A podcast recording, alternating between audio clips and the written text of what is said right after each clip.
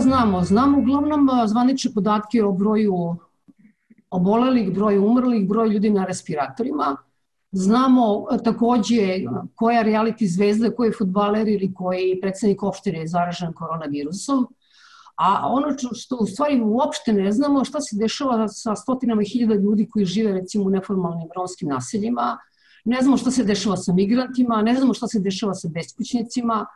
Danilo, da li to mi ne znamo, šira javnost, a vi koji se bavite uh, ljudskim pravima, znate više nego mi. Trudimo se da saznamo koliko je moguće u stvari u ovim okolnostima. Ono što uh, se promenilo od marta na ovamo jeste u stvari da se potpuno način na koji radimo u stvari morao prilagoditi čitavoj ovoj situaciji sa koronavirusom i od početka smo zapravo ukazivali na istu vrstu problema, to je da oni koji su najogroženiji, koje ste vi sada i pomenuli, dakle od migranata, izbeglica, ljudi koji žive u neformalnim naseljima, beskućnika, korisnika sistema socijalne zaštite, dakle da će svi oni biti posebno pogođeni brojne mere koje su mogle biti donete nisu donete ili da su neke politike koje su se promenile u stvari posebno ugrozile ljude koji su posebno u ustanovama socijalne zaštite. Tako da a, organizacije koje se bave a, zaštitom ljudskih prava znaju šta se dešava, a, problem je u stvari u drugom jednom koraku, ako ćemo tako, sistem je tako postavljen da vi nemate s kim da razgovarate vezano za sve ovo, niti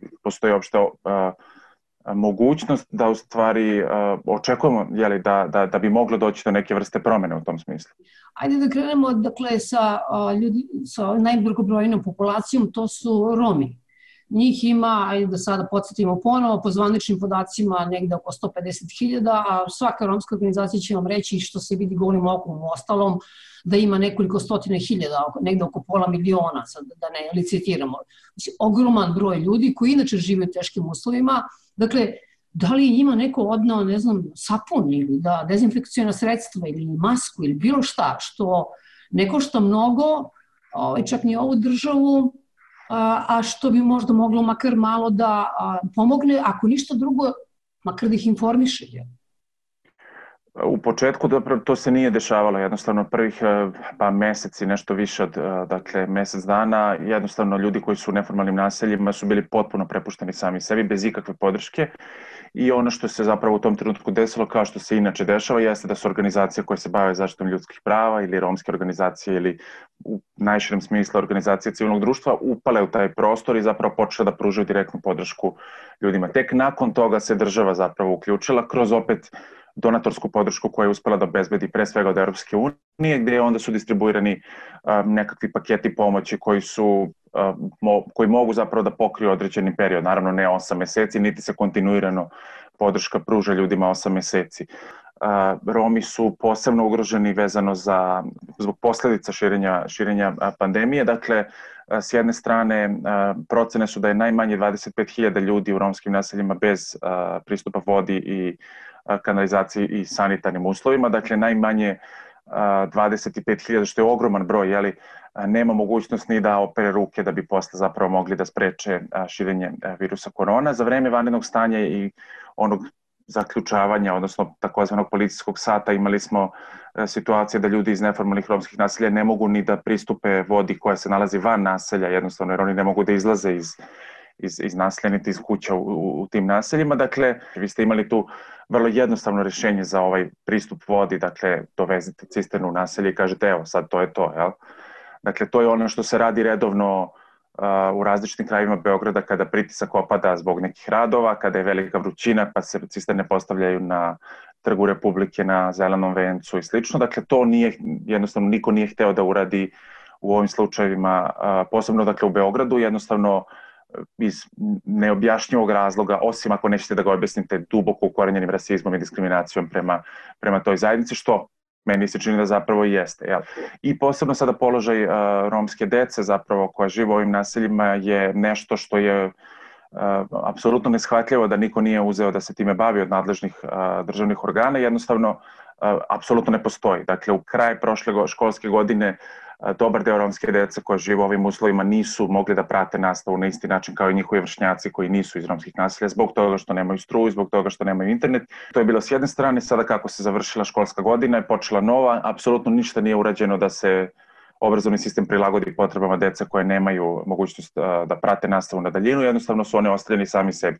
O, jaz u obrazovanju, dakle, i znanju između romske i neromske dece samo će rasti nakon ove, nakon ove krize, kao što će u ostalom i rasti nejednakost između romske i neromske populacije generalno u odnosu na, na, na položaj, dakle, u nekom ekonomskom smislu, ako hoćete, primanja i sve slično. Tako da, jednostavno, situacija je zabrinjavajuća, sve ono što imamo prilike da vidimo i kroz program rada nove vlade i neke prve korake ministarstava koji su nadležni za to jednostavno ukazuju da se to neće ni desiti, odnosno da će ljudi biti prepušteni apsolutno sami sebi i da se snađu kako znaju i umeju da izađu iz čitave ove krize. Da, bilo bi cinično da kažem da ti ljudi nemaju mogućnost da naprave tu fizičku distancu i da se izoluju ili samo izoluju ukoliko su zaraženi. Da li država nešto u tom smislu preduzima, kao i to, da li preduzima redovno, ne znam, jednom mesečno ili jednom u nedelju dana da se radi a, dezinfekcija tih naselja, makar s polja da pokušavaju da malo popravi situaciju, ako ne u kućama tih ljudi. Najveći broj aktivnosti koji se odnose na informisanje ljudi o načinju širenja virusa sprečavanje širenja virusa vrši se, dakle, rade ili organizacije koje se bave zaštitom ljudskih prava ili Crveni krst. Dakle, centri za socijalni rad, socijalni radnici i oni koji su prvi pozvani zapravo da da u ovakvim situacijama a, obaveste ljude o tome šta su, a, šta su dakle, promene koje su se desile i na koji način da se oni izbore sa tim, apsolutno su zakazali. To je i vidljivo u, a, u izveštaju zaštnika građana iz posveta neformalnim romskim naseljima a, s početka pandemije, dakle negde u maju ove godine, gde je jednostavno jedna od preporuka bila da centri za socijalni rad i socijalni radnici moraju da, kako su, mislim, oni rekli, proaktivnije zapravo pristupe čitavom problemu. Što se tiče dezinfekcije naselja, to nismo mi imali prilike da vidimo. Informacija koju smo imali, ono što se kaže sa terena, u stvari je da nije bilo šireg i masovnijeg širenja virusa, jednostavno jer da je došlo do toga nekako bi informacije koje smo imali uh, stigle i do nas, odnosno stigle bi informacije do nas. Uh, ono što je sad tu poseban problem što ste vi pomenuli jeste da u stvari u, neformalnim romskim naseljima uh, vi imate tu dodatne rizike zapravo za lakše širenje virusa. S jedne strane porodice su više generacijske, tako da mogućnost izolacije samo izolacija unutar domaćinstva je jako mala i mlađi zapravo jako lako mogu da prenesu uh, virus starijima koji po pravilu svi žive u jednom ili u jednoj ili u dve prostorije i u krajnjoj liniji na samom početku kada su one cene maski potpuno divljale, kad ste vi imali jednu masku koja koštala 1 evra, imate socijalnu pomoć koja je 80 evra mesečno, ljudi jednostavno nisu ni mogli da obezbede maske. Romi koji žive u neformalnim naseljima su, kako bih rekao, bolesniji od, od ostatka populacije. Dakle, više ih prate hronične bolesti, bolesti respirativnih organa i slično. Dakle, astma, bronhitis i takva oboljenja su po pravilu zapravo vezane za loše uslove stanovanja u neformalnim naseljima i veliki broj stanovnika neformalnih naselja zapravo boluje od ovih bolesti. U tom lancu, dakle, između stanovnika neformalnih naselja i zdravstvenih ustanova postojala jedna karika koja se zove zdravstvene medijatorke koje su bile zaposlene opet preko nekog projekta gde su oni informisale, zakazivale preglede, rešavale pitanje zdravstvenih knjižica i slično, kojima je zapravo zabranjen pristup i rad na terenu od početka pandemije koronavirusa i ono što je bilo obrazloženje jeste da one zapravo nemaju zaštitnu opremu kojom bi mogli da spreče širenje virusa, pa zbog toga i one ni ne rade. Dakle, imali ste u sistemu nešto u redovnim okolnostima što je moglo da funkcioniše, što je obustavljeno onog trenutka kada je zapravo taj sistem trebalo još aktivnije da pruži podršku, nego su jednostavno se povukle, naravno ne svojom odlukom, te žene i ljudi koji su naseljima su potpuno prepušteni bili sami sebi. Mi formalno, zapravo mi zvanično ništa ne znamo. Mislim, jedino da mi čujemo, a, mislim, a mi kada budemo čuli da je u romskom nasilju izbila epidemija koronavirusa, to će biti katastrofa, bukvalno. Sistemski ništa nije ni preduzeto, niti ko to obeleži, niti ko to prati ili nas makar ne obaveštava. To je tačno, dakle mi nemamo a, ni na koji način sistemski ono što bi bile dakle čvorište gde ćemo prikupljati sve podatke pa onda neko to objavljivati pa zapravo na osnovu tih podataka donositi neke odluke što bi bilo razumno, jeli, dakle da se radi o ovim okolnostima, niti imamo najavu uopšte da bi to moglo da se desi. Ja sam dosta redovno pratio i, i danas, mislim, to mi je nekako postala ovaj pasija, a, sajt i sve što Ministarstvo za rad, zapošljavanje, boračke i socijalna pitanja objavljuje javno. Vi ste tu na početku pandemije imali dve, a, a, tri zapravo prve poruke su bile koje su stiga, stizale dakle, od ministarstva kad je već bilo jasno da idemo ka lockdownu kada se potpuno sistem menja. Prva je bila da je održan kolegijum u ministarstvu da se oni organizuju kako će raditi tokom pandemije. Druga je bila da su dogovorili sa Privrednom komorom Srbije dostavljanje namirnica koje se online naručuju u staračke domove direktno. I treća je bila da su napravljeni Viber stikeri za osobe sa invaliditetom gde oni imaju informacije o širenju pandemije koronavirusa. Dakle, potpuno nerelevantne stvari ili nedovoljno relevantne za ovakvu vrstu krize, gde se pokazalo u stvari da vi nemate sposobnog ministra, pomoćnika, državnog sekretara, bilo koga u tom sistemu ko će moći zapravo da preuzme ono što mu jeste posao i u stvari postavi stvari kako treba. Sada sa promenom ministra ne vidimo da je došlo do ikakve promene, jednostavno ministarka se više bavi kriznim štabom nego, nego resorom koji vodi ove protokolarne posete koje je obavljala sada, ne znam, sigurnoj kući i slično, ne pokazuju da ona u stvari uzima u obzir ono što jesu potrebe najugroženijih i u tom smislu Srbija je šampion, opet najbolja u svom delu uh, Evrope, u nemaru prema ljudima koji su socijalno najugroženiji. Jer mi, vi kad pogledate, mi nismo ni jednu jedinu meru uh, posebno doneli, osim ovih 100 evra koji su bile mera za sve, koje su suštinski promašile one koji su bili uh, najugroženiji, dakle oni koji su uh, neinformisani bili o tome da treba da se prijave ili koji nemaju dokumenta ili koji iz drugog nekog razloga jednostavno nisu znali da mogu da dobiju tih 100 evra, nisu se zapravo ni prijavili, oni su propustili tu svoju priliku, dok su svi drugi, dakle, kojima taj novac je mnogo manje potreban, dobili taj novac. Dakle, mi smo tu potrošili na, na nekom ono, makro planu 600 miliona evra, što je ogroman novac za Srbiju, koji je u stvari otišao potpuno na pogrešno mesto. Neka, neka naša gruba računica da su odlučili da iskoriste uh, da tri meseca po 200 evra plaćaju dodatno, dodatno znači uvećanu socijalnu pomoć onima koji su u sistemu socijalne zaštite, potrošilo bi se 150 miliona. A bilo bi mnogo bolje targetirano, zapravo imali biste još 450 da radite šta hoćete. U krajnjoj liniji da gradite nacionalni stadion, jer pare neke bi ostale. Sada se novac potroši, ono što je problem u stvari je da uh, očigledno je veliki novac, novac potrošen u tom prvom naletu, da li kroz, zbog predizborne kampanje i zbog svega toga ili da se pokaže kako smo najbolji, sada tog novca više nema, a posledice su mnogo dugo, dakle posledice traju već 8 meseci, možemo očekivati da će trajati još sigurno do kraja zime, dakle još najmanje 3-4 meseca, to su neke najoptimističnije jeli, procene. Na koji način ćete vi pružiti neku vrstu podrške ili reagovati, nije jasno, jednostavno ne znam, ne znam ni odakle bi moglo da se, da se to desi. Ja. Vi ste kao inicijativa A11, znači za ekonomska i socijalna prava, se žalili Strasburu, mislim, posle one posete romskom naselju Čukarička, uh, nije šuma, nego kako se zove? Šuma jeste, da, da, je, šuma. Čukarička šuma, da. A tamo ima nekoliko stotina ljudi jel, koji žive. To je upravo ta uh, situacija u kojoj vi vidite koliko je sistem uh, krivo postavljen zapravo, odnosno koliko ga nema, ajde više da se ne, da se ne, ovaj, da. ne primo da tu nešto ima pa da je ovo neka vrsta, neka vrsta a, propusta. Jel? Dakle, mi smo tu morali zbog toga što ljudi iz te šume, dakle, to su ljudi koji su 99. umesto neke vrste podrške koju su a, mogli da dobiju kroz, reša, kroz a, smeštaju u kolektivne centre ili druga neka stambena rešenja koje su kasnije dolazile na red, jednostavno ostali prepušteni sami sebi i oni žive bukvalno u šumi, dakle, to je šuma na skretanju za Čukaričku padinu gde se nalazi veliko romsko naselje, gde je 90 i nešto posto stanovnika izbeglo sa Kosova, naravno bez pristupa pijećoj vodi, jer ste u šumi. Jel?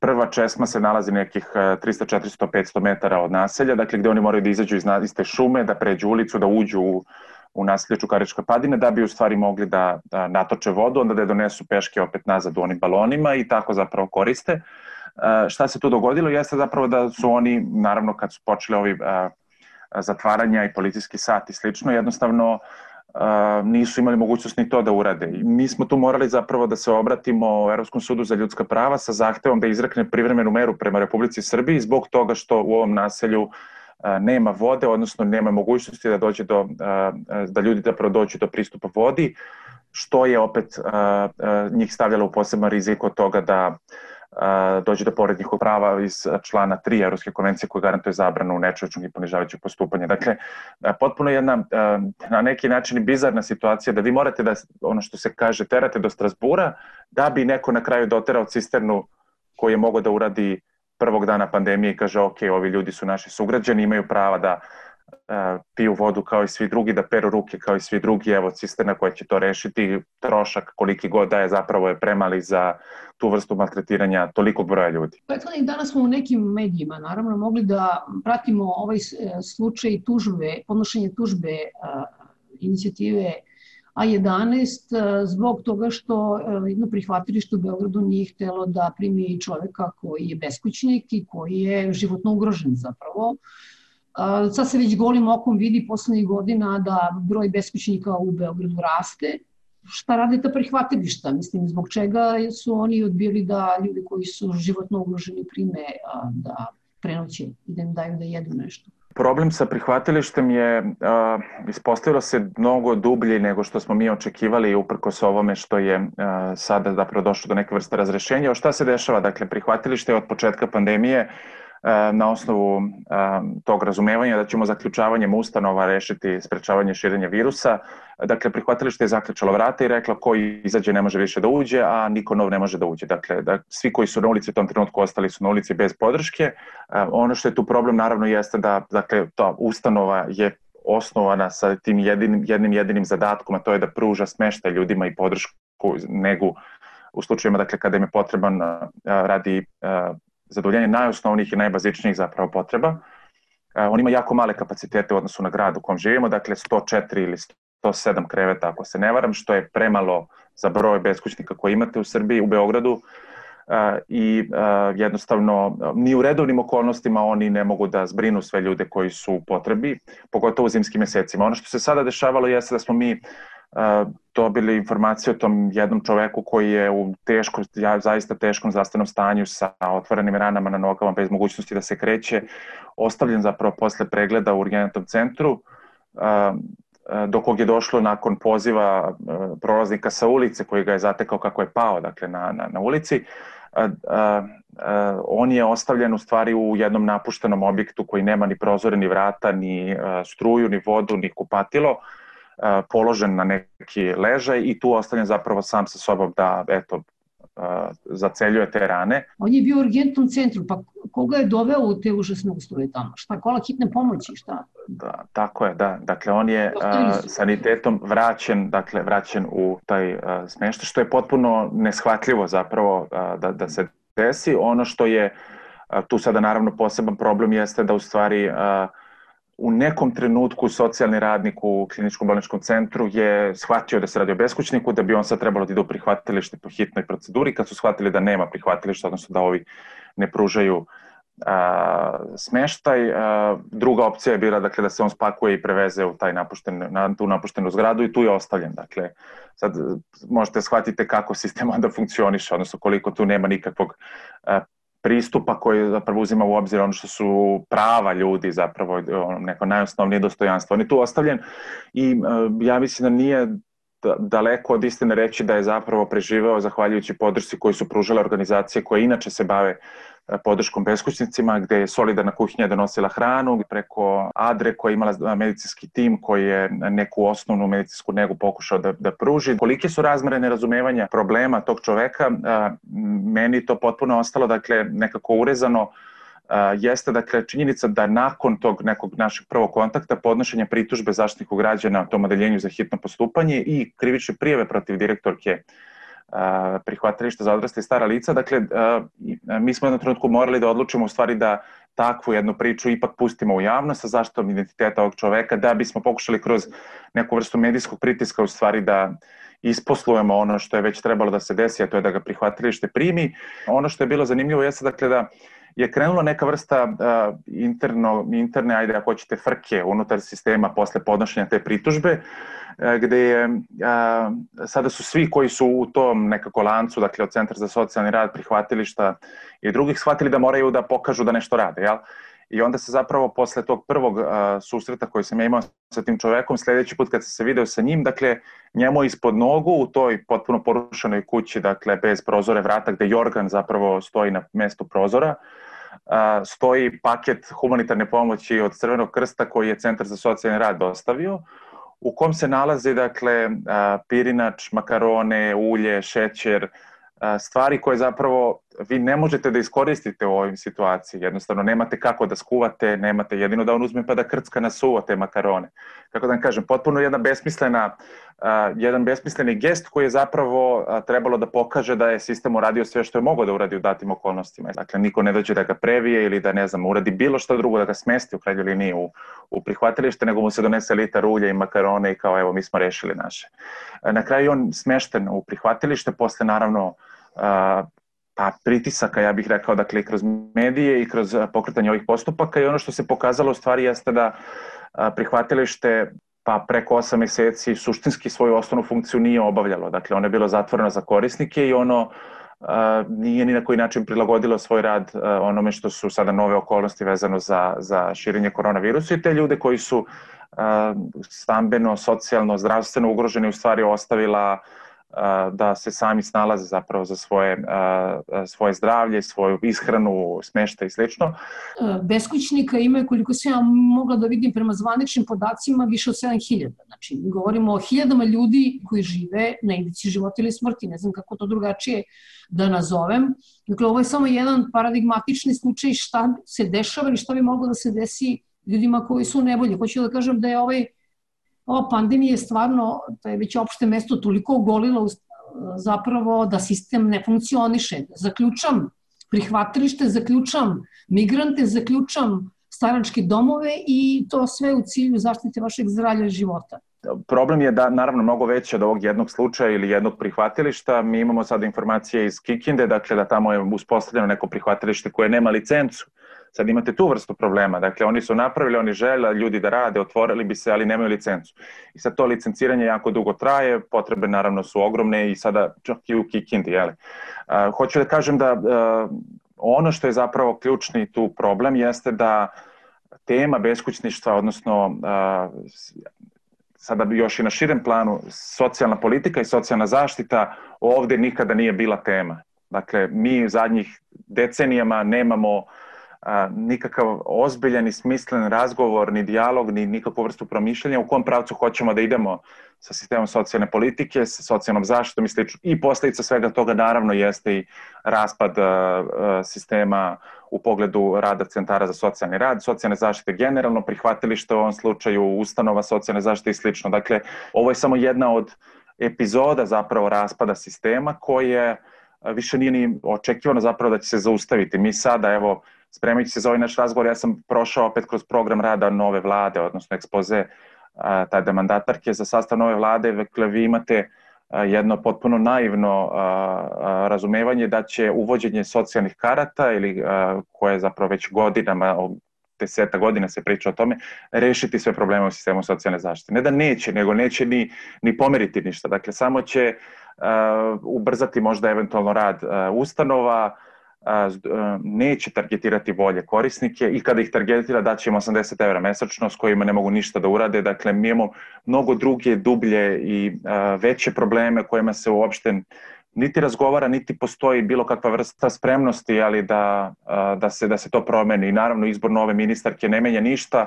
Mogli su da stave Mickey Mouse-a, mogli su da stave koga god žele. Dakle, to uopšte nije, nije pitanje ko će biti novi ministar. Uh, pitanje je da jednostavno sistem, da odnosno socijalna politika nije važna i da se to svodi zapravo na socijalne karte koje će navodno da sve reše kao čarobnim štapićem. Naravno da neće i korona jeste, sad naravno to ispada kao neko opšte mesto, ali zaista je ogolila sve ono što nije valjalo i produbila sve nejednakosti i sve ono što zapravo smo znali ranije da ne funkcioniše, sada je nekako mnogo vidljivije i mnogo zapravo dramatičnije u pogledu uh, ostvarivanja prava onih koje, koje, koje pogađa ovakva vrsta krize. Nino, hvala puno na razgovoru.